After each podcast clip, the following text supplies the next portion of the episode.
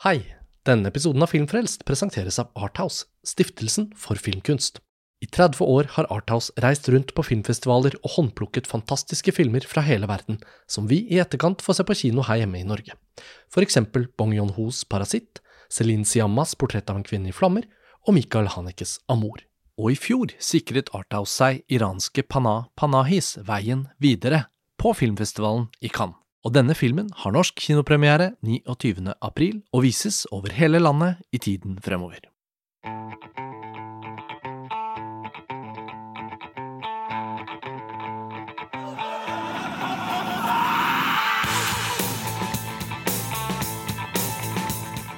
Hei og velkommen til en ny episode av Filmfrelst, podkasten fra filmtidsskriftet montasj.no. Mitt navn er Karsten Meinick, og vi er fortsatt på filmfestivalen i Cannes. I denne episoden så har jeg med meg rundt bordet Roskar Koretsinski, Hei. og, som sist, og Benjamin Jastan. Hallo. Og Truls Foss. Hallo, hallo. Hei, hyggelig å ha deg med igjen. Truls, bare for å starte med deg, fordi du er jo her både som programsjef på Vega Scene for å se film og gjøre deg kjent med hva som er det nye, men du sitter også i en jury i år i Kanzen, sideprogrammet. Og jeg tenkte det var gøy å bare høre deg fortelle litt om hva som er premisset for det. Ja, det er Europa Cinemas, og det er Europa Cinema, som den organisasjonen for eh, kvalitetsfilmkinoer i Ja. Europa, eller uavhengige kinoer. Ja. De har en jury i Kansan, og de har, også- de har også fått en i Berlinalen og en i Venezia. Og den, de heter liksom Europa Cinema Label Jury, som at du får en sånn label på som skal bety noe. Og den prisen eh, dere skal dele ut, den gir hva til filmen som får den? Det gir en medvind i forhold til at distributører blir mer interessert og nysgjerrige på å kjøpe inn filmen. Og at jeg tror det også ligger noen støtteordninger fra Europa Cinema bak den merkelappen. Så du er tvunget på en måte til å se veldig mye i Kansan, men du har jo sett eh, fra alle mulige seksjoner. Og Roska og Benjamin, vi pratet jo om James Grays film i den første episoden, og siden da så har vi sett veldig mye mer. Så selv om vi har valgt ut noen filmer å sette i fokus, så kan det hende vi tar også en liten runde med litt sånn forskjellige ting vi har sett.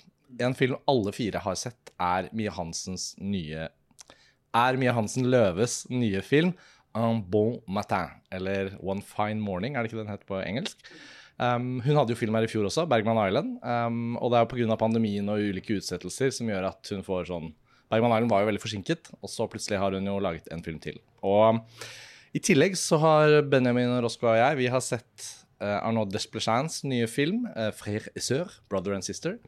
Så vi tar en runde på den, og så er du jo nysgjerrig på å høre litt, Truls, om ting du også har sett. Og jeg vet at det er liksom to av oss har sett én film og sånn, så vi kan se uh, hva vi kommer inn på. Men uh, la oss starte med Mie Hansen Løve, da. Altså, jeg satt ved dette bordet her i fjor eh, sammen med et lite panel og diskuterte Bergman Island. Og um, det var jo en liten sånn avstikker, følte jeg, lite grann, fra de av filmene hennes som føles som mest Mie Hansen Løve-aktige.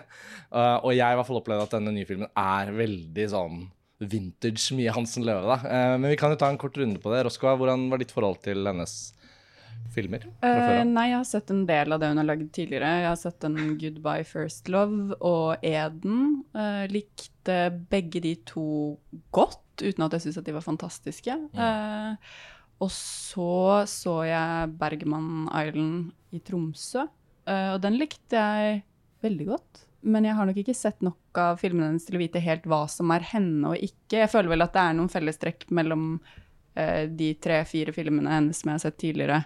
Samtidig som ja, noe skiller dem fra hverandre. Men uh, uh, nei, jeg gledet meg til å se denne filmen. Det gjorde jeg. Jeg liker henne såpass godt at jeg liksom hadde visse forventninger. Mm, ja, vi hadde jo egentlig Jeg føler alle vi fire i hvert fall eh, er veldig glad i hennes eh, filmer, som regel. Er- Hun har jo noen sånne eh, skjær i sjøen der. Men Truls, du hadde jo veldig lyst til å være med på en podkast om denne filmen også, etter at vi hadde sett den.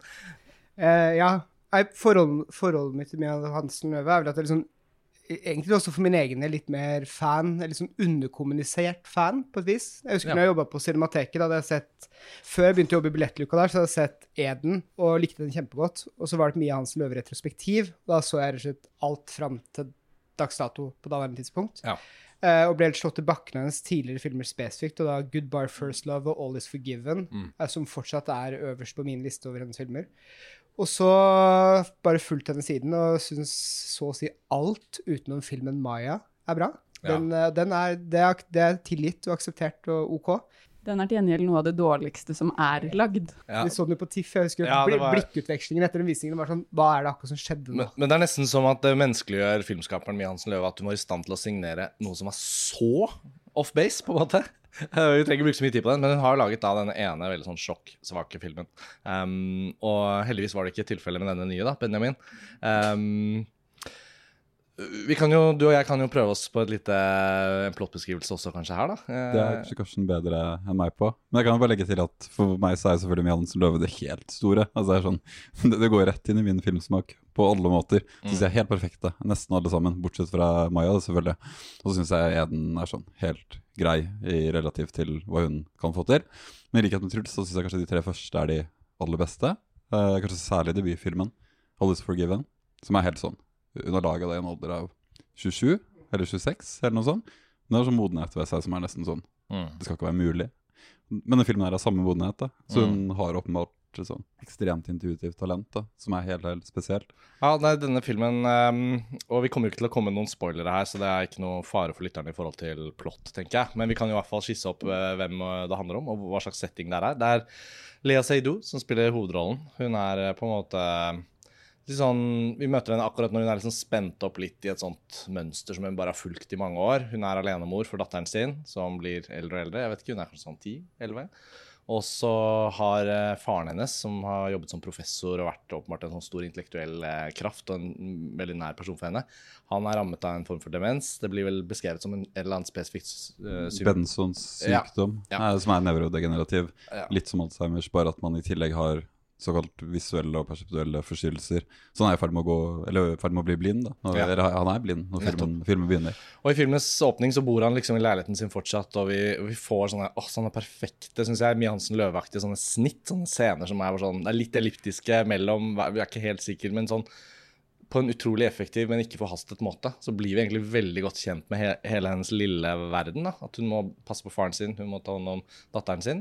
Og så jobber hun som oversetter og tolk, som er så fint. altså Jeg elsker når rollefigurer på film får ordentlige yrker, og vi får se dem litt. Det er en liten sånn sekvens hvor det er en eh, markering fra, med andre verdenskrigsveteraner ute ved havet, som på en måte er ganske sånn påkostet og sikkert ikke sånn billig å lage, og som i hermetegn ikke betyr noe for filmens plott, men bare at vi får være med henne der, og at filmen tar seg råd til det så tidlig i filmen, så jeg får, får skikkelig bilde av hvem hun er og hennes hverdag, da. Og så er det da en gammel flamme som en venn, en, man, som rykker inn, som spilte av Melville Popot, da. Så, En venn av den avdøde mannen hennes. Nettopp. Det Da har det gått fem år, da, får vi vite. Ja. Ja. Mange kjenner han sikkert som hovedpersonen i Lawrence Anyways, blant annet, men Melville Popo har jo også spilt i veldig mye forskjellige typer fransk film. Han er også med i denne Arnaud Desplechin-filmen som vi snakker om etterpå. Så det er liksom premisset. Og øh, jeg vet Skal vi jo ja, legge til også at uh, faren til Mia Hansen Løve også er rammet av samme sykdom i ti år før han døde. Ja, det visste jeg faktisk ikke. Mm. Så det er visstnok et script som hun har utvikla lenge basert på det. da. Ja, nettopp. For den skildringen var jo også veldig sånn taktil og veldig vakkert gjort i filmen. Så Mm. da hjelper det sikkert at hun har sikkert et sårt og vondt minne om det. Men, men det er en sånn veldig sånn hyllest til farsskikkelsen i filmen. Uh, han er også veldig bra spilt. Uh, Han uh, husker jeg ikke navnet hans, men han, er sånn, han har vært i 100 franske filmer. han skuespilleren. Um, og jeg vet vi alle likte filmen, da, men jeg vet ikke hvor- hva vi skal liksom, hvordan vi best kan da presentere disse kvalitetene. Den har jo veldig bra spill, selvfølgelig. Ja, jeg kan starte med å si noe om manuset, da. Fordi det er noe som jeg gjenkjenner fra uh, flere av filmene hennes. Jeg merket Da vi hadde den runden i stad, så kom jeg på ja, men jeg har jo sett to-tre filmer til av henne. Men, uh, uh, og det er en sånn kvalitet ved måten hun skriver på, som er såpass subtil at den kan være sånn vanskelig å få øye på, men jeg føler at den ligger der allikevel i dialogen. At det er veldig sånn enkle dialoger, veldig neppe og veldig naturalistiske, men samtidig så har de en sånn liten poetisk dimensjon i måten de ordlegger seg på, som aldri virker skrevet, men allikevel har en sånn liten tvist ved seg som gjør at det ikke blir ren realisme heller. Og det er sånn ujålete gjort. Og det, det gjelder både dialogene, men liksom filmene for øvrig. Eh, er at de er veldig sånn neppe og tilsynelatende enkle, men så har de en sånn derre aura av noe som er liksom løftet opp på et eh, poetisk nivå. Da. Eh, og det er noe av det som griper meg når jeg sitter i salen og ser det, i hvert fall. Mm. Jeg er enig, og så føler jeg at jeg kan ikke så mye manus, eh, men jeg føler bare at, som du sier, at det er Det blir ikke, det blir ikke helt realisme, men det ligger alltid liksom tett på det, og så har du den poesien over det, så føles det bare så trygt. Man føler liksom at hver scene har en ordentlig funksjon, at du er på vei et eller annet sted, om så det er at man er ute med noen krigsveteraner i Normandie, liksom. Det, det føles ikke ut som noe er lagt til for å skulle Jeg vet ikke, bare være en fet scene. Det er alltid liksom noe som drar den tilbake til fortellingen, eller karakteren. Ja, og så er det sånne fine ting som man da får et ekko av, sånn som når vi er inne på det yrket hennes, da. At det føles bare så enkelt og naturlig vevd inn i starten av fortellingen at vi tenker ikke at det er sånn planting eller Du får ikke sånn eh, konstruksjon av manus. Lukten av manus siver liksom ikke gjennom bildene. Men så, når hun i sin kontrollerte væren ikke helt klarer å holde alt inne lenger, så er det jo en scene hvor hun glipper i oversettelsen litt ute i filmen. Og da merker man jo at vi har jo sett at hun er så proff, at hun er så dyktig på det. Og det er jo bare en elegant måte å, å få bruk for på en måte den scenen senere. Uh, Ja, så syns jeg også det valget av yrke har noe sånn uanstrengt poetisk ved seg, fordi hun hovedpersonen er så uh, varm og empatisk, og man kan lett tenke at hun er vanlig, men jeg kjenner ikke så mange mennesker som er så uh, følelsesmessig tilgjengelige. Eh, Både liksom i møte med datteren sin, med foreldrene, uten å virke selvutslettende. Da. Hun virker som en veldig sånn eh, et helt menneske, hvis man skal bruke det uttrykket, eh, har en sånn derre Ja, en måte å være på som i hvert fall jeg beundrer veldig, da. Og så tenker jeg det oversetterjobben som nettopp er det, da. Det er å lytte til andre og videreformidle. Eh, ikke sant? At du er en sånn fergemann nærmest mellom to eh, språk, og at det liksom Det blir også et bilde på hvem hun er i sitt liv, som tar ansvar for dette barnet, faren sin. Men det er liksom aldri understreket. Det er bare noe som ligger der som en sånn ja, helt sånn tilforlatelig Et tilforlatelig symbol som vi kan velge å legge vekt på eller ikke, da. Men som jeg tenker at gir filmen en dybde. Og så blir det jo, etter hvert som den også blir en veldig romantisk film, så syns jeg jo hun klarer også da å la den være helt sånn fortryllende romantiske, nære scener, kropper, klemmer, kyss, men heller ikke liksom at filmspråket blir overromantisk. Hun har en poesi så lett for hånden at det er nesten litt rørende at hun ikke bruker den med mer sånn kraft, liksom. Hun lar det bare Og det, jeg syns filmen var veldig Når den ble veldig romantisk, så kjente jeg liksom at den var det eneste som manglet, var at hun da brettet ut Paris mer og lot dem løpe i regn og sånn. Men så gjør hun selvfølgelig ikke det, fordi hun er annet som lever. Og hun lar liksom Paris-skildringen her er jo helt sånn bare sånn i bakgrunnen, at hun bare tusler rundt i Montparnasse eller hvor det er hun bor. Så nei, jeg syns bare egentlig filmen var helt nydelig på alle disse planene vi snakker om. Ja, nei, jeg tenkte litt på det Og det er kanskje sånn Ok, det er to ting da er, som jeg synes er helt spesielt med måten hun lager film på, eh, og som skinner veldig gjennom i den her. Eh, det ene er litt i forlengelsen av det Roscoe sa. det Altså Hun har en sånn helt enorm nysgjerrighet for mennesker, eh, men, og hun skildrer ja, ikke sant, skal si det er altså såkalt hele mennesker. altså de er veldig, eller I all sin kompleksitet. da, eh, Men hun er jo også nysgjerrig på en måte som ikke invaderer. Det fins fortsatt en avstand da, mellom de menneskene som er på lerretet, eh, og måten hun har skrevet dem på. Så hun pretenderer liksom ikke å vite den fulle og hele sannheten om alle de menneskene som rører på seg på skjermen. Jeg syns den vekselvirkningen mellom nærhet og distanse er veldig gripende. Eh, Og så er det en annen ting som jeg tenkte på med de to overlappende historiene. fordi filmen er jo på den ene siden et portrett av en far som svinner og blir borte, og så er det en ehm, glød eller en flamme i um, Sandra, som hun heter, som blir vekket til live igjen. Og måten hun spiller de to parallelle historiene, eh, som selvfølgelig ikke er parallelle eller separate fortellinger, de er en del av hennes livsverden da, til enhver tid. Måten hun spiller de opp mot hverandre på uten at de skal liksom forløse sammen. Men at de får liksom gå, gå sin gang, da, og han Clément som hun møter, blir liksom ikke en sånn Det er ikke lett for tilskueren altså På den ene siden så er det jo lett for tilskueren å tenke at han blir en sånn livbøye eller en beholder for en sånn farssoliditet som blir borte. Uh, men idet jeg begynner å tenke det, så er det nesten som filmspråket som er så varsomt, eller måten Johansen Løve observerer og ser at det skjer, eventuelt ikke skjer på, Um, oppfordrer til å la den fortolkningen ligge. ikke sant? Uh, at de to historiene bare kan eksistere parallelt, og, og det er greit. da, Og i den veldig aksepterende måten å se livsvalg, motivasjon, eventuell intensjon på, så oppstår det noe veldig spesielt da, i, i filmspråket. eh, som jeg syns er liksom er sjelden man ser på film på den måten. Samtidig da, så fins det liksom sånn par elementer. Eh, hun blir jo ja, mer og mer kropp idet farens kropp blir borte. Og jeg tror det er veldig sant i det også. Eh, det er en traumatisk erfaring. Hun mister en kroppslig tilstedeværelse eh, som hun også integrerte i seg selv. ikke sant? Eh, og hige mer etter å komme i kontakt med sitt eget begjær og sin egen kropp osv. i møte med Clement. Det er ganske sånn sannferdig og fint skildra. Idet noe liv forsvinner, så griper hun etter mer liv. Jeg syns også det med at de kan eksistere på hver sin side i fortellingene. Eh, Jeg føler at filmen har på en måte fire fortellinger. Du har fortellingen om dattera, og så er det fortellingen om Clement, og så er det fortellingen om faren, og så er det fortellingen om jobben. da. Disse fire tingene sentrerer seg rundt, selvfølgelig alltid gjennom blikket til, eh, til hovedkarakteren. Um, men det med Ankle Maud er sånn det, det er noen scener der hvor de liksom har det litt vrient, som det føles ikke ut som han er skrevet inn som en karakter som skal komme og liksom skape forstyrrelser, skape dramatikk. Det føles bare virkelig Han, føl, han føles også som et godt, oppriktig menneske, selv om han kanskje ikke alltid er helt redelig. Han er liksom uperfekt, men blir ikke romantisert som det heller. Det er liksom sånn fravær av en dom, da, i det hele tatt. Han er jo en utro familiefar, ikke sant? Men det, det er verken vakkert eller romantisk eller galt. Og så må det da også sies at eh, Apropos du var inne på filmspråket, sa Benjamin. Det er jo så deilig når man ser Mie Hans Løve-film, lener seg tilbake. Man ser at det er skutt på 35 mm med en gang. Fortekstene kommer opp, og de ser helt nydelige ut. Det er som å liksom være tilbake til sånn gammel, god film på 80-tallet. Ja, Det er så solid. Nå har ikke jeg sett altfor mye Romer, men jeg skjønner jo med en gang ut fra de Romer-filmene jeg har sett, at det er sånn Romer-trygghet. Romer pluss Morris Piala, Mm, ja, faktisk. Jo, men, jo, men jeg tenkte det. Ja. Og med med og Løve.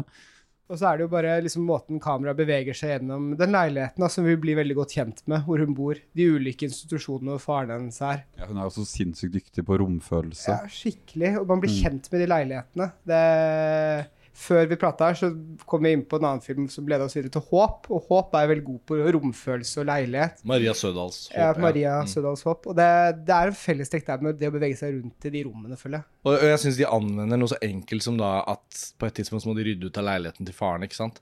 Og det er så lett å bare gå til pappkasser og å, minnene. Men så er det da en liten linje med hans studenter, og at noen Og det er så rørende når da hun får vite at de studentene som akkurat har hatt ham, bare for noen år siden, de elsket ham som foreleser, og de inviteres til å komme opp og plukke med seg noen bøker. Bare sånn liten ting.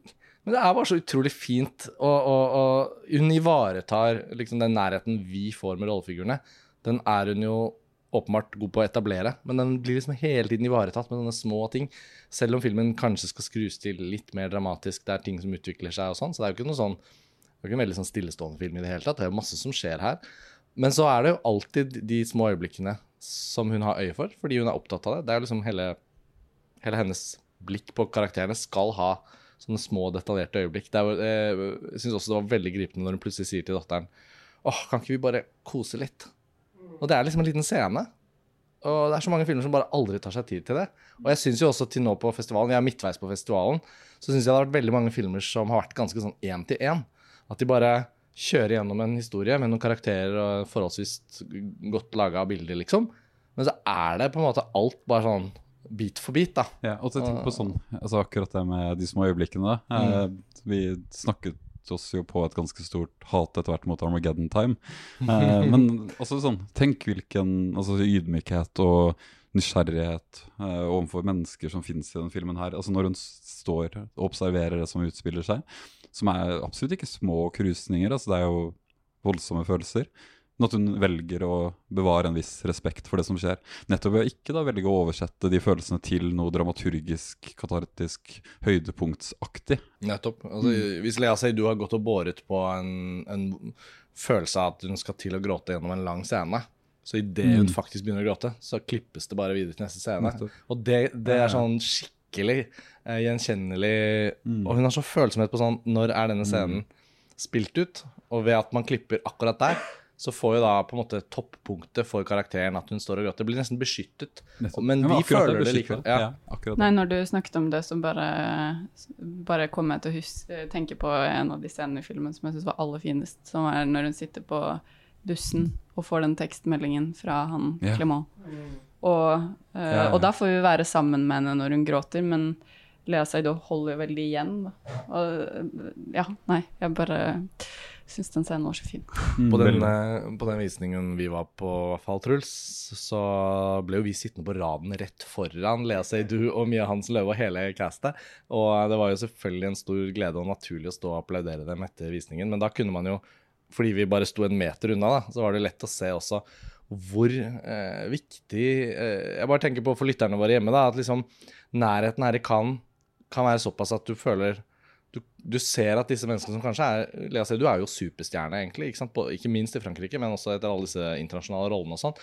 Så står hun bare her og er stolt av den filmen, og, og det er ikke noe selvfølge for henne at den da får den varme mottakelsen nødvendigvis. Og når den da kommer, ser man Apropos at Lea Seydoux gråter, så gjorde hun jo det under den applausen òg. Så det var veldig vakkert, syns jeg. Morsomt. Fint øyeblikk å få med seg. Ja, når hun lener seg over og trøster mye Hans Løv der. Ja. hun står og får masse applaus. Ja, det var veldig flott. Så nei, det er eh, et av høydepunktene, åpenbart, det hører dere jo, at denne filmen var et løft da den kom nå tidlig på festivalen. Uh, Truls, du rekker opp hånden. Har lyst til å si noe mer? Ja. Jeg kom på nå, som går helt tilbake til starten da vi begynte, når Roscoe prata om at hun er den personen som ofte liksom eksisterer litt imellom disse menneskene, og er en ekstremt omsorgsfull person. Peter Bradshaw sin kritikk mot filmen var jo at hovedkarakteren ikke var mer handlekraftig. Og det er jo så fint å se at nettopp det ikke er det, for det føles så mye mer ekte. Så hvis noen har lest den omtalen, Ja, så bare se bort fra det. Ja, tenker jeg også, men han er jo ofte en ganske sånn Jeg, jeg syns ikke han alltid virker som han tenker seg nøye om før han skriver kjappe kritikker fra festival. Og han har jo også gitt fem av fem stjerner til det sveitsiske umesterverket Eight Mountain, som vi helt sikkert skal komme inn på etter hvert i podkasten. Men hvor, hva var det ga til den her? Husker du det?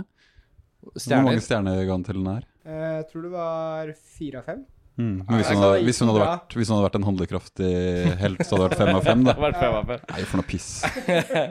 ok, men la oss gå til holdt på å si noe mer handlekraftig. Altså, det bruser eh, av drama i Arnaud eh, Jeg sier Desplechin. Vi har diskutert litt her nede om det er Desplechin eller Desplechin, men jeg går for Desplechin denne gang.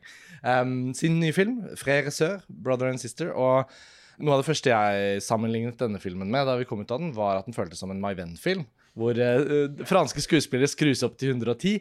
Og uh, jeg er jo veldig glad i My Venn sine filmer. Hun har ofte fått mye ros på podkasten. sist for DNA, som hadde norsk uh, kinopremiere en gang midt under pandemien. Og den ligner veldig på denne Desplechin-filmen, syns jeg, da. Men for de som elsker en Conte eller um, litt mer subtile Desplechin-filmer, så er det jo ikke det moduset han er i nå. Og jeg har ikke sett de to forrige filmene han laget. 'Ismails Ghosts' og hva het den Philip Roth-adaptasjonen? Deception. Ja, De to har ikke jeg sett, men begge har fått ganske hard medfart. Så Ja. når vi gikk til denne nye Benjamin, så var det jo litt med sånn varhet for at Desplechin er litt i stand til å lage ganske ræva ting. Ja. ja, det er også én ræva film til, uh, som heter Robé Lumière. Okay. Fra året før også, så han har laget tre okay. ræva filmer på rappen. da. Jeg skjønner. Men jeg, jeg er jo selvfølgelig også da helt sånn over meg av begeistring for Desplechin som generelt, som regissør. Uh, men jeg anerkjenner jo også at filmografien hans følger et sånn veldig absurd mønster. Han lager ett mesterverk, og så lager han tre elendige filmer. Og så lager hun ett mesterverk, tre elendige. Ett mesterverk, eh, tre, tre virkelig dårlige nå. Og så tenkte jeg sånn, nå kommer mesterverket igjen, da. Og det, det er det på en måte ikke, for den er jo helt mislykka. Men jeg likte den veldig, veldig godt, da. Den, Ja, Det gjorde jeg nok. ja, og det, jeg tenkte at denne blir litt morsom å snakke om. Roska. Du og jeg var enige om at det var en film som var ganske ræva, men veldig underholdende. Um, og bare kort, da. Marion Cotillard og Melville Popo, som også da var i Mie Hansen Løve-filmen, spiller søsken som hater hverandre, og de har hatet hverandre lenge. Og vi kommer inn i filmen når deres to eldre foreldre utsettes for en ulykke og havner på sykehus, og familien må samles. det. Altså, Hva var dine forventninger på veien i filmen, Roska? Hvorfor er den ræva, men litt bra? Jeg vil si den er ræva og veldig bra. Okay. fordi, eh, fordi den er kunst. Og det kan jo høres ut som en veldig sånn sleivete påstand, men, men eh, jeg liker veldig godt å sitte og se på en film hvor du kjenner at regissøren befinner seg på et kaotisk sted. Jeg er mer opptatt av det enn jeg er av det folk kaller for måte et formfullendt verk. Ja. Selv om jeg kan sette pris på det òg, så er det liksom lite jeg, syns er mer interessant enn å få lov til å være med inn i en filmskaper eller en forfatters eh, roterom, hvis du virkelig føler at vedkommende sitter og holder på med noe i sitt eget liv og prøver å oversette det til kunst. Og det at det er mislykka, kan av og til gi meg veldig mye tilfredsstillelse, fordi da er det så mange løse tråder som du som tilskuer på en eller annen måte må begynne å nøste opp i selv, og jeg kan være veldig glad i det fortolkningsarbeidet, som både er en fortolkning av filmen, men som også blir en slags sånn psykoanalyse av regissøren. Så jeg merker Ja. at det, For meg var dette litt sånn som å se den Tom, eh, Tomasso Av Abel Abel Ferrara. Ferrara for noen år siden, som folk syntes var veldig ræva, og som jeg ble Jeg syns det var veldig bra. jeg. Ja, ja du og Lars Ole syns det, dere så den på et senere tidspunkt, mens jeg var og så den med vill visningerne da. Ja. Ja, Benjamin og uh, Sveinung og litt flere folk. Ja, alle hatet, og jeg ble rørt.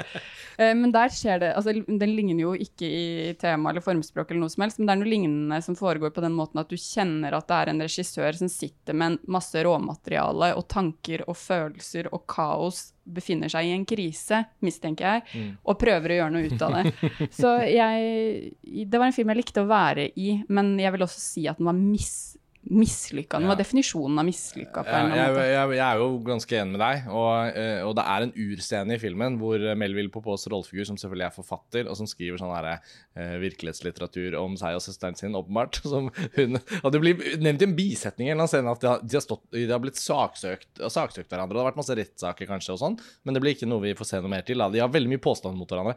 Men i et inspirert øyeblikk etter å ha røyka noe opium, så er Melville Popot i gang med den nye romanen sin plutselig, og det er en sånn liten montasje hvor han først holder et ark opp mot vinduet med ulike notater, og sirkler ut ord og peker rundt. Nå skal jeg strukturere teksten annerledes, og så er det klipp til at han uh, sitter med Mac-en og liksom taster inn det han har skrevet for hånd, og så er det god stemning. Altså, da følte jeg litt Det er det Desperate selv, da, som setter sammen denne filmen. Bare, Åh, liksom Alle ting øh, fyker og danser. Men Benjamin, du har jo på en måte virkelig bestemt deg for at dette er en veldig bra film.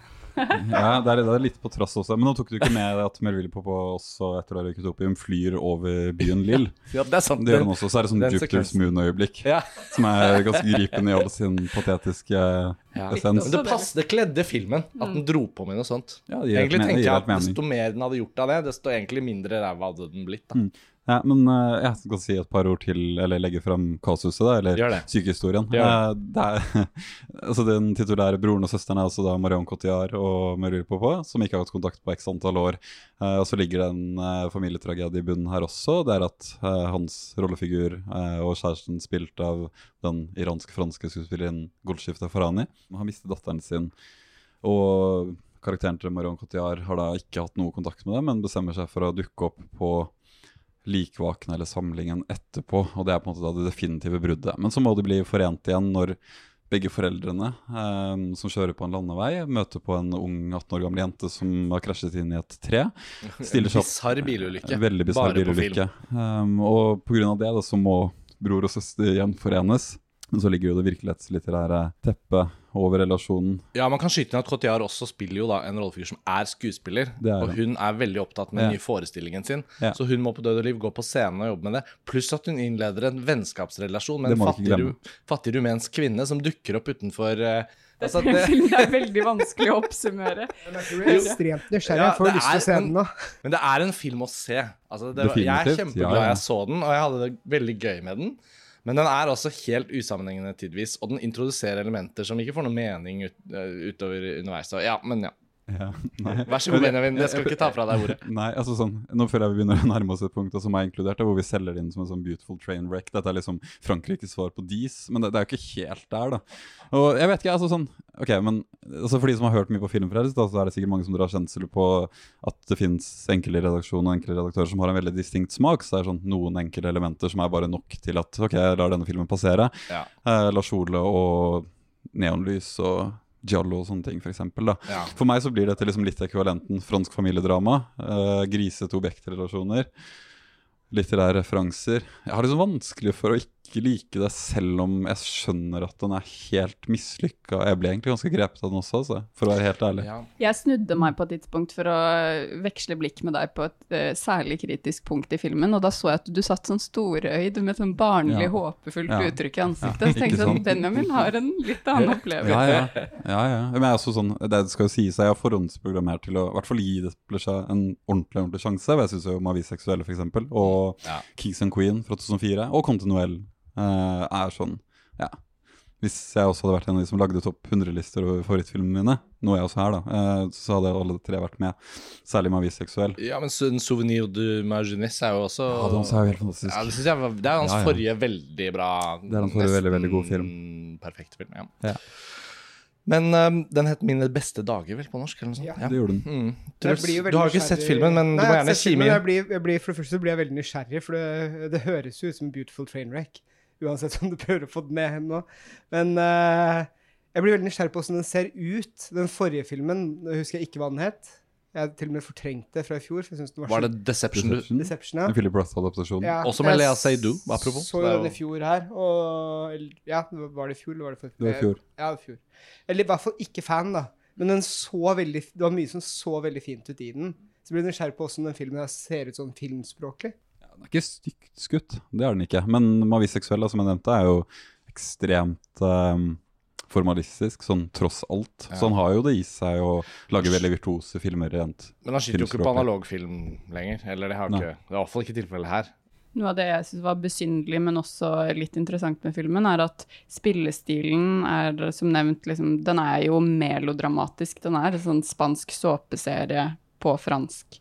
Men det er ingenting i formspråket som på en måte drar i samme retning eller kommenterer det. Så, så på utseendemessig så er det egentlig helt vanlig liksom, fransk drama, men spillestilen og dialogen ligger veldig tett opp til liksom, det mest eh, kanskje oppskrudde hos Almodovar, for eksempel. Det blir en veldig sånn corny effekt, hvor du ikke helt skjønner om det er inderlig, eller om det er et kommentar til det melodramatiske, fordi hovedpersonen også er skuespiller, så man lurer litt på om er det noe her liksom sånn eh, Vil han at dette skal være Shakespeare? For det er også et eller annet sånn veldig shakespeariansk over dialogen noen ganger, og i spillet hvor folk besvimer midt i en setning og sånn. Men formspråket er veldig sånn realistisk og nedtona på mange måter, så øh, ja, er besynderlig. Ja, vet du hva, Jeg tror det er helt helt inderlig. Jeg. jeg tror ikke han har noen sånn metarefleksiv distanse til det som skjer i det hele tatt. Men altså, vi har jo på en måte sagt det viktigste. Jeg tenker jo at uh, Desplechin, han, uh, han uh, er i hovedkonkurransen her nede. Jeg syns den føles litt uh, feilplassert. Den vi nettopp snakket om, 'Mine beste dager' fra 2017, er det vel, den var jo i Kanzen. Og der var Mia Hansen Løve nå, men i fjor var hun i hovedkonkurransen i Bergman, med Bergman Erlend. Så jeg mener det er jo vanskelig å holde styr på hvor- hvordan Cannes-festivalen prioriterer disse ganske etablerte autørene og slenger dem rundt i ulike programmer og sideprogrammer og sånn. Men, men i Kanzen, Truls, som vi startet med, så har jo du sett mye, og det kan ikke være noen tvil om at Mia Hansen Løves film er, uten at du skal avsløre noen av juryens vurderinger, selvfølgelig, så må jo, må jo den eh, være av de bedre i Kanzen til nå i år. Vi, har ikke, vi skal ha et møte i overmorgen, Ja. Og da skal vi snakke. Men ja, det er ikke, det er ikke til å stikke under stol at den, den er høyt oppe på den lista. ja. Det er den. Ja. Men nå er det de, de filmene med, med størst forventninger igjen. I morgen så er det Five Devils, sammenslaget av Ava, Mm. som virker Lea som, Mysius. som handler tydeligvis om en eller annen dame som samler på lukter. Ja. Det virker veldig spennende.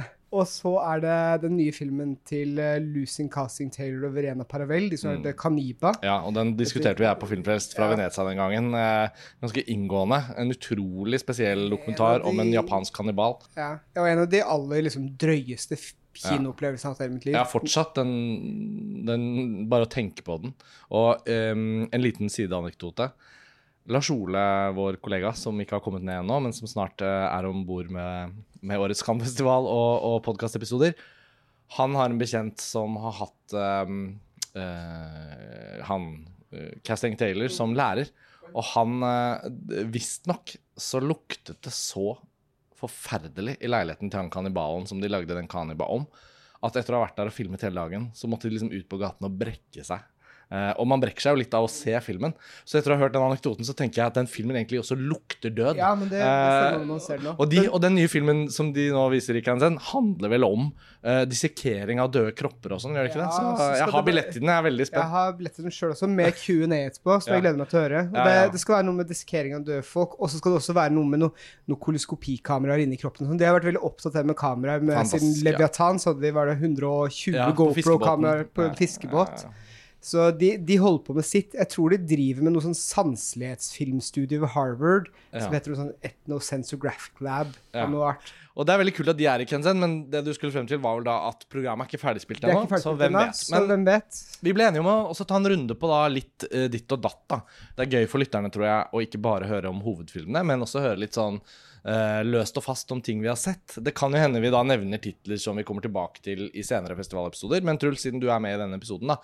um, har du noen uh, filmer du har lyst til å bare starte med å si et par ord om, som du har sett? I går så fikk jeg på tampen billett til den nye George Miller-filmen. Ja, det er gøy, for den har Roscoe også sett, vet jeg. 3000 Years of Longing med Tilda Swinton og Idris Elba. En slags uh, 1001 natt møter Aladdin om uh, ja, fortellinger. Og fortellinger i fortellinger. Og en ånd med tre ønsker. Jeg syns jo Mad Max Fury Road var helt super, som alle andre, føler jeg egentlig. Så gikk jo inn til den her med viss forventning, men også liksom frykt ut fra traileren som, vært, som var meget digital. Eh, og jeg syns det var helt krise. Og det, jeg opplever at filmen For å være helt ærlig, så jeg er ikke glad i Marvel. Virkelig. Marvel-filmen bare er ikke for meg. Og jeg syns faktisk uh, denne Doctor Strange and the Multiverse of Madness var bedre enn dette, og det sjokkerer meg veldig. Det morsomste med at vi snakker litt om denne, er at jeg vet at Roscoe hadde en litt annen opplevelse av filmen. Jeg elsker den. Dette er gøy. Altså, og George Miller er jo en filmskaper lytterne altså, Det er jo en av de regissørene vi da nevner i episoden nå, som flest har et forhold til, garantert. Eh, Men hva, hva var det du elsket med denne filmen? der? Nei, altså Jeg er helt enig i det Truls eh, sier om at den ser helt jævlig ut. uh, og jeg tenkte Det var et sånt superego på en måte som kom inn de første 20 minuttene og sa sånn Du kan ikke like dette. Ikke lik dette. Du kan ikke like dette. Dette kan du ikke forsvare at du liker. Eh, for da var det tydeligvis noen andre krefter i meg som allerede var i ferd med å begynne å like det ganske godt. Og de kreftene tok over. eh, og jeg eh, virkelig eh, elsket det. Jeg ble rørt, jeg gråt. Jeg syns den sa mye Altså, eh, for å bruke en floskel, liksom Den dypeste visdom er den enkleste. Denne filmen klarer på en eller annen måte i dette veldig tacky formspråket eh, å være en slags en visdomsfilm om kjærlighet og Ja, først og fremst om kjærlighet, eh, og så handler den veldig mye om eh, eh, kunst, tradisjoner, tro, kjærlighet, oppmerksomhet som ligger i det å skape liksom, taktile objekter eh, som blir gjenfunnet, tatt opp. Historien som ligger i tingene vi har skapt rundt oss. Fysiske formater? Nettopp. Det kunne ikke være det minste at de tingene vært fysisk. Alt nettopp hver minste detalj er liksom CGI-laga og Er det et green screen-orama, eller er det Den Det er ser helt jævlig ut, og den er på Ja. mange måter helt jævlig spilt også. Er det Tilda Swinton, Idris Elba? Det er de to jeg bare vet at er i den. Er det noen andre? De er er eh, stort sett- stort sett de. Ja, ok. og den vises, jo, den vises jo utenfor konkurranse, bare for å nevne det for lytterne. da. Dette er jo ikke en film som er liksom i hovedkonkurransen. Den er jo inkludert litt fordi Ja. den har litt star power, og sikkert da fordi den skiller seg litt ut. Og jeg er også enig med Roscoe litt, for jeg syns jo historien er liksom Det er mye fint i den. sånn. Jeg klarer ikke å bli grepet, for jeg blir for langt ut Jeg er sikkert for skada at jeg vil at det skal, skal se fett ut. Den er spennende. Jeg skulle bare så sjukt ønske at det så litt mer eh, gjennomarbeida ut. Så gjør den jo liksom litt et poeng av at eh, vit, moderne vitenskap og teknologi egentlig bare er en forlengelse av hva mytologiene var før. At det ikke er en avfortrylling, men egentlig bare en, en fortsettelse på historiefortellingen da, om oss og om verden. Eh, og sånn sett så kler formspråket det litt også, nettopp at, det er, at de tar i bruk en veldig sånn derre eh, hypermoderne Men jeg er enig i at det ikke ser fint ut. Men noe i meg liker det litt. Det er jo virkelig en smakssak her også, så er det sikkert eh, mange som kommer til å sette pris på det formspråket til og med, selv om ingen av oss gjorde det. Men det blir spennende, det blir spennende å se hvordan det blir mottatt av andre. Ja, ja. jeg. Ja, så er det et eventyr for voksne, da, og, og det gjør at jeg kan akseptere at den ser ut som den gjør, på en eller annen måte. At den ser litt ut som noe du bare snubler over på Disney Channel. Altså, Jeg så noen på Twitter lage en parallell til Wachowskienes Cloud Atlas. Er det på sin plass? Ja, ikke dumt. Fordi det er også en film som har hatt noen som liksom bare absolutt hater den. Men så har det jo også liksom grodd på en del, og jeg likte den litt da den kom. Jeg har aldri hatt et gjensyn med den, burde egentlig gjort det. Men den, jo, den ser jo ganske jævlig ut, egentlig. Men så handler den jo om en god del ting. Og det høres ut som dette er et lignende tilfelle. Jeg er å høre. Um, jeg vet at dere også har sett en film i en certain regard, som jeg bare hørte dere snakke om i stad. Og jeg syns vi skal trekke det litt inn til lytterne. War Pony, som er spillefilmdebuten til skuespilleren Riley Keough, også kjent som barnebarnet til Elvis Presley. Og eh, hun har spilt i masse bra filmer, American Honey, og, og vært i TV-serien Girlfriend Experience, i første sesong. Hver gang hun dukker opp i en film, så føler jeg hun bidrar med et eller annet. Hun var i den Zola også. Um, og den er korrigert med Gina Jamel. Jeg vet ikke om det er hennes eh, spillefilmdebut også, men uh, denne filmen vet jeg ingenting om. Jeg kommer til å se den underveis i festivalen, og begge dere var så entusiastiske. Selvfølgelig dere må holde ordet litt, da, uh, og fortelle litt om hva slags film det er. Skildrer liksom, et, om, et uh, urbefolkningsområde i Amerika, og ja, litt sånn American Honey-aktig. Du merker at hun er inspirert av den, liksom, den type måte å lage fortelling på her. og to hovedkarakterer som hva skal jeg si for noe, driver med redelig og uredelig virksomhet for å liksom få livet til å gå rundt. En som bor hjemme hos faren sin, og en som er eldre og bor hjemme hos bestemoren sin. er det det? Høres litt ut som Chloé Zhaos første film, 'Sankt My Brothers Taught Me', men den er kanskje litt mer sånn støvete og westernaktig. Jeg vet ikke, hvordan er liksom, Hva slags miljø er det? Urbant? Er det på landet? Er det på Det er på landet. Det er jo et reservat da, disse menneskene bor i, så det er jo den der klassiske eh, altså urbefolkningen som er, lever i disse reservatene, men som spiser amerikansk drittmat og fôres med sukker og uh, ikke har noe uh, altså ikke har noen rettigheter, ikke har noe system som fanger dem opp overhodet. Og det er egentlig en skildring av barn og ungdom. Veldig få voksenpersoner i filmen. Det er barn og ungdom som lever i dette reservatet. Og det er en blanding av å være en fortelling om Eh, hvordan på en måte brutalitet avler brutalitet, og hvordan det ikke fins egentlig noen andre løsninger for dem enn kriminalitet og kynisme, samtidig som disse barna er altså så jævlig skjønne, da. Så det er ikke bare en sånn eh, det er verken en bekmørk skildring eller et sånn påklistra håp. Det er liksom en fortelling om at ja, dette kommer ikke til å gå bra på en eller annen måte eh, for disse folka. Men dette er de måtene de viser hverandre kjærlighet på innenfor disse rammene, på en eller annen måte. Jeg tror kanskje det er min favoritt på festivalen så langt. Den er utrolig fint fortalt. Enormt karismatiske skuespillere som er blitt instruert på en veldig god måte, tror jeg. For jeg tror ikke de har så mye erfaring. Man får inntrykk av at dette nok kanskje er folk hun har møtt på og casta som ikke har noe skuespillererfaring fra før av. Eh, det vet jeg ikke, men det er i hvert fall den følelsen du får av filmen. Ja, nei, jeg syns den var helt, helt utrolig. Det du var inne på der også, som jeg syns var et skikkelig godt poeng, med at liksom, det, blir ikke, det blir ikke en hardcore lidelseshistorie selv om man vet at det ikke går bra. Det, det, er såpass mye fint som skjer i filmen også. I tillegg så setter jeg da pris på at de befinner seg som beskriver dette ganske røffe miljøet, hvor de begynner tidlig med narkotika og begynner å deale narkotika. Liksom sånn, det er mye av den tematikken som ligger under her hele tida. Eh, de, det er jo annet sånn tyverier og andre ting som hele tiden får småkriminalitet. Men det er for å få gjensidig respekt mellom de folkene i dette miljøet om at du stjeler fra meg, og jeg stjeler fra deg. Og så er det på en måte sånn den som gjør det beste kuppet, får også litt sånn OK, jeg skal ikke komme og høsle og ta deg med en gang etterpå, fordi ja, det er for å få en gjensidig respekt i det miljøet i det. Som jeg synes var sånn en form for underlig godhet. Og så syns jeg Jeg tenker flere av oss som har sett uh, den RMN av Christian Munjo, ja. er det samme man? Mm. Uh, og det er noen paralleller, fordi begge de filmene er liksom, liksom sosial, litt sånn harde sosialrealistiske filmer om samfunn på, på, utsiden av, på en måte. Som også klarer å trekke inn dyr, og hvordan vi forholder oss til dyr.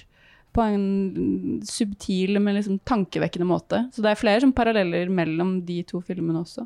Slo Interessant. Christian mm. Monjos nye film er jo hovedkonkurransen. Uh, War Pony, som dere nå nettopp snakket om, som er i Unset Regard, den eh, er jo virkelig sånn helt utenfor radaren før den da tas inn av Cannes-festivalen, settes i en Regard. Og selv om Riley Keough er kjent for noen av oss som har sett henne i filmer, så er jo ikke hun en verdensstjerne på den måten heller. Så det er jo så flott at en film som det kommer liksom Det er jo Cannes på sitt beste, føler jeg. At noe sånt kommer inn, løftes opp, og, og at dere liker den så godt, gjør jo at den må jo prioriteres av oss andre som har litt tid på festivalen igjen. Hvis vi skal være bitte litt kritisk mot War Pony, så er det at den blir kanskje litt for konvensjonell, syns jeg, i, i storefortellingen. Men det gjør meg ingenting, for det er såpass liksom, bra fortalt, og så, så liker karakterene såpass godt. Det er så ufattelig bra spilt. Så jeg vil egentlig bare trekke fra soundtracket også.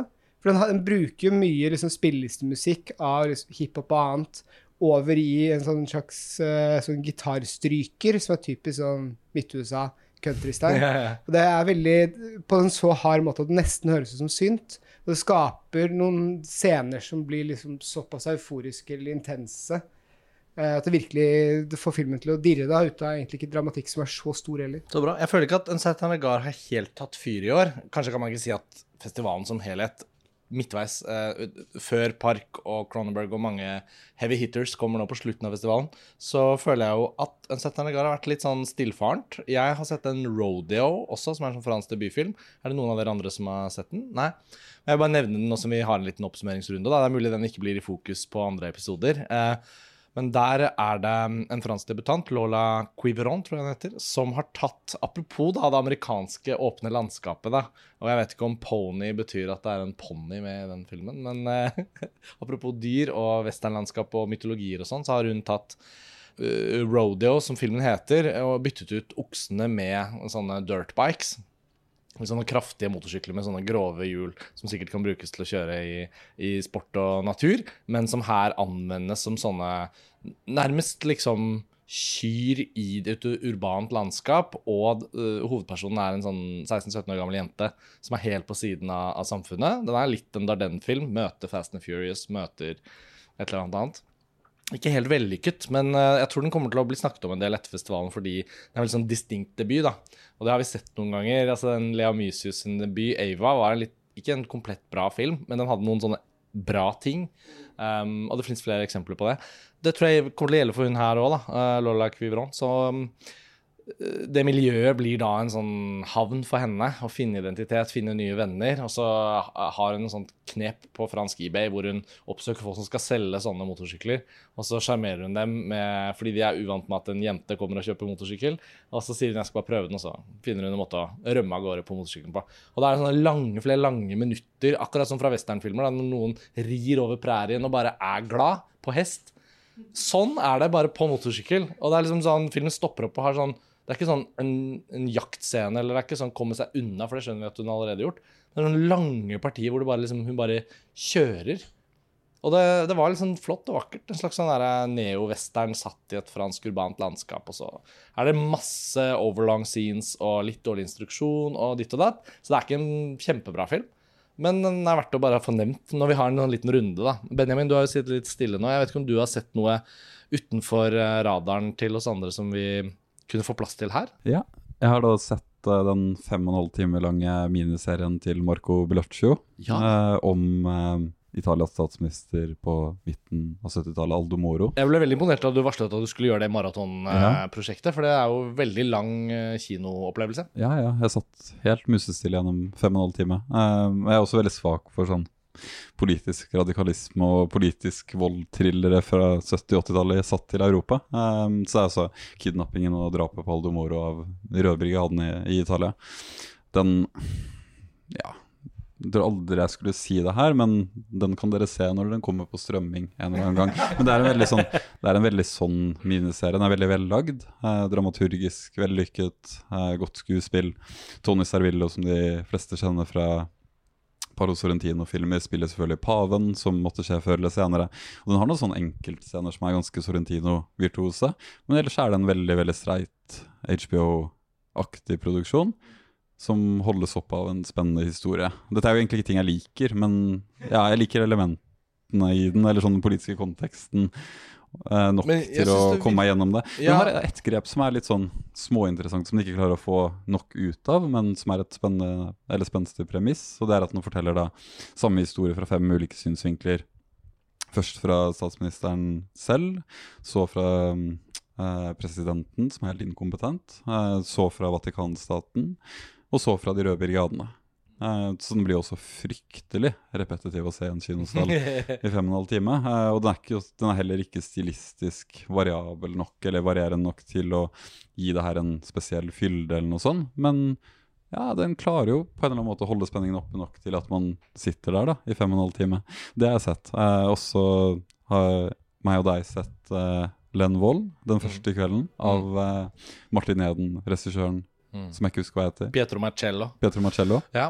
Den syns jeg var ganske forferdelig, men den går liksom i en spesifikk kategori type filmer for meg. ja. Sammen med Lykkelig Lazaro, som hadde en del tilhengere på norsk kino i norsk presse osv. Ja. Som jeg syns er et harmoniserende makkverk eh, om ja, om og av mennesker som elsker å se at arbeiderklassen har magiske egenskaper. Ja, altså, og ja, det er ikke langt ja. Ganske Ja, enig med deg om Lene Wold, sånn innhold der, men Internasjonal eh, tittel er vel Scarlett. på Scarlett, den. ja. Sånn at, uh, Men den, den så jo veldig fin ut. Ja, for å komme tilbake til den, så veldig fin ut. Skutt på film, bla, bla, bla. Men så var det liksom noe sånn skikkelig 70-tallsaktig deilige scener utenfor en sånn innsjø og sånn. Sånn eventyraktig. De tingene likte jeg, men det ble litt sånn isolerte sekvenser i filmen som jeg satte pris på. Ellers så falt den helt Ja, igjennom. Jeg likte nok den vesentlig bedre enn dere to. Eh, Jeg ser jo svakhetene, men um, Pietro Marcello er en sånn italiensk regissør som var helt uh, ukjent for meg frem til jeg så den Martin Eden som han gjorde. Så veldig Og- bra. Ja, den synes jeg er veldig bra, og den vet jeg at jeg har snakket om tidligere i ulike sammenhenger. Men uh, han har jo et sånt eh, distinkt, eh, veldig distinkt sånt formutforskende forhold til å lage film. At jeg føler han er opptatt av form, og han dyrker form. Og her er manuset selvfølgelig veldig vagt til det forsvinnende. Og det er klart at det er en ganske kjedelig film. Men den er også veldig vakker. Og jeg Apropos ting man har smak for, da. ikke sant? Neonlysene til Lars Ole osv. Det kan jeg kjenne meg igjen i selv også, da. Disse nattklubbsekvensene i en trailer som gjør at man tenker den filmen må jeg se. Men, men jeg tror faktisk at Pietro Marcello holder på med noe som jeg er litt sånn svak for å bare få sett. Etter Martin Eden så tenker jeg han skal jeg bare oppsøke hver gang han lager noe. Han har laget også en eh, dokumentar som var på den digitale Berlinalen i 2021. Som, eh, om en sånn italiensk visesanger som jeg ikke husker navnet på nå. Men det var også en veldig fin film, og han har laget noen veldig bra dokumentarer som jeg kjøpte meg på amazon.it eh, med engelsk tekst. Veldig bra liten DVD-utgivelse med hans første dokumentarfilmer. Så Marcello han har noe på gang. Og det som jeg syns denne filmen signaliserer, er at denne filmskaperen trenger manus med litt mer dramatisk driv og kraft. Kanskje ikke skrevet av ham selv. Og så kan han bruke liksom filmskapertalentet sitt til å gjøre noe magisk ut av det. Og det du beskrev, Benjamin, eh, Alice Rohrwachers liksom magisk realistiske gårdsbruksskildringer i Italia skutt på film, det er jo på vei til å bli en klisjé, og denne filmen skriver seg jo litt inn i det. da. Så Det blir jo joken på denne, at den er litt sånn lykkelig Lazaro, og ikke på en god måte. Så, men det var fint vi fikk nevnt den. Jeg tenker at episoden nærmer seg slutten. Vi skal videre ut i festivalløypa, eh, alle fire. Så Roskva og Truls og Benjamin, eh, takk for praten. Vi fortsetter festivalen. Vi er midtveis i Cannes, og vi høres eh, snart igjen. Ha det bra. Ha det bra. Ha det. Ha det.